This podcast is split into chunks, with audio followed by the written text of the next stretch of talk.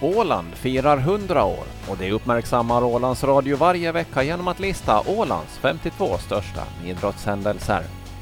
1971 spelades den första officiella fotbollsmatchen mellan två damlag på Åland och samma år spelades också det första åländska mästerskapet.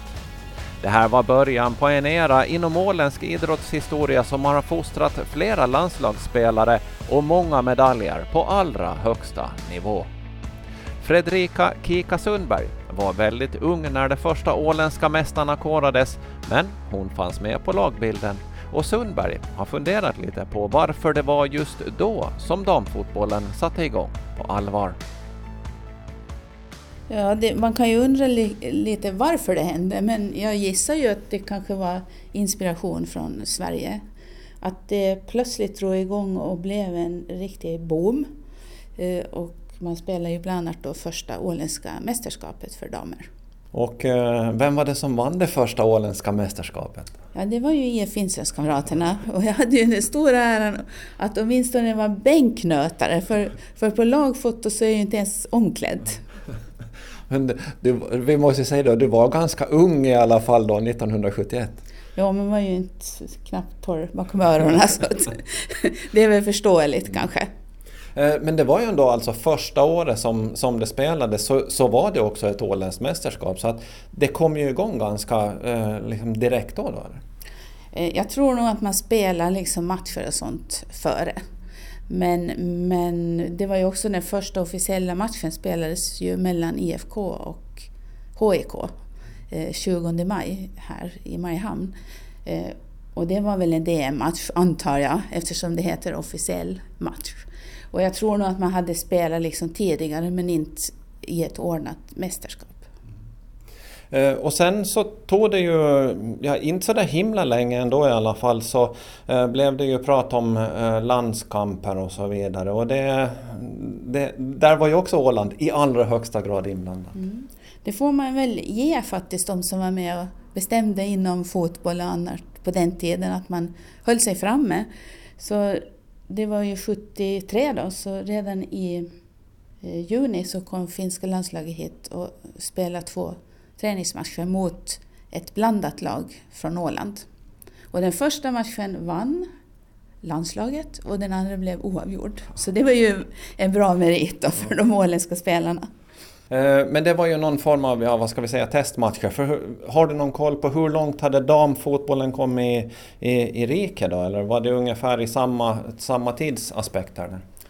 Eh, Nå hängde det ju ihop så att säga. Det är ju viktigt när du ska starta en ny sport. Att man har någon sorts ordnat seriespel och, och framförallt att förstås att man har förbunden bakom sig.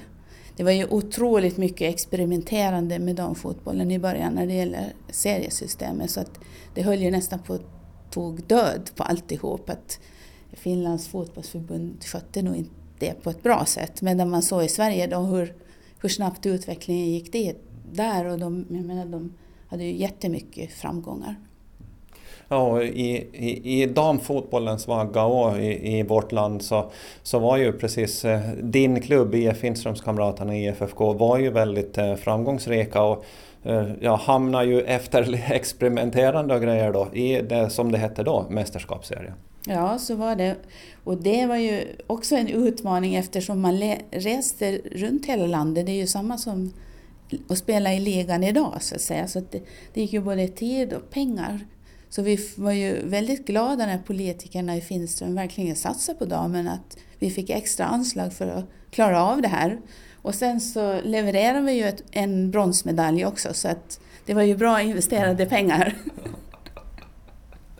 Uh, och sen måste jag ändå backa lite till, eh, till landslagsfotbollen då, för att uh, både Sverige och Finland, deras första, åtminstone vad man kan hitta då, officiella landskamper, så spelades ju här i Mariehamn, eller hur? Ja, det var ju då 25 augusti 1973 som den spelades här på Åland.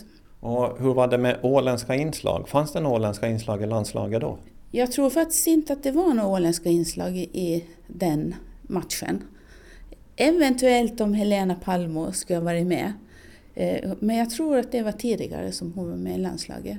Ja, och då var det de här, vi säger testmatcherna som du pratade om här tidigare också? Jo, för hon finns inte med i någon officiell statistik. Men som sagt, det är ganska dåligt med den där historieskrivningen eh, officiellt från, från de här första åren. Men sen då efter den där eh, första officiella landskampen, det tog ju inte sådär himla länge så, så fick vi en landslagsspelare som mer eller mindre blev bofast i landslaget, eller hur? Ja, sen kom ju, först kom ju faktiskt Bodil Mörn Sjölund. Så hon har, det var väl 74 tror jag. Men sen kom ju Åsa Wenström som blev en av de mest framgångsrika spelarna genom historien. Och hon blev ju också utsedd till Finlands bästa spelare. Eh, men det hände ju ändå ganska mycket då under de där första åren, eller hur? Ja men visst gjorde det. Jag menar, när vi började så minns jag, tror att vi spelade typ 2 gånger 25 till exempel. Och det tyckte ju vi själva att det var helt idiotiskt. Vi, vi ville ju spela fotboll och inte något liksom så här halv, halvfotboll när det gäller tid och så. så att, men det blev småningom så blev det ju 2 gånger 45 också. Men det gick lite så här 2 gånger 30, 2 gånger 35, 2 gånger 40, sen 45 då. Så det var ju en grej. Och utrustning och så här, det fanns ju inte liksom för, för kvinnokroppar om vi säger bara en sån sak som spelarskjortor. Eh, och där kan man väl säga som så att eh, det har tagit lite tid för utvecklingen att komma ikapp?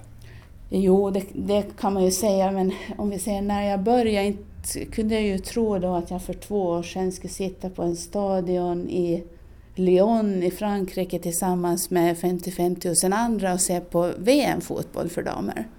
Så att, visst har det ju hänt på 50 år, men det finns nog otroligt mycket kvar att göra. Och det sa Fredrika Kika Sundberg. Och redaktör var Ove Sjöblom.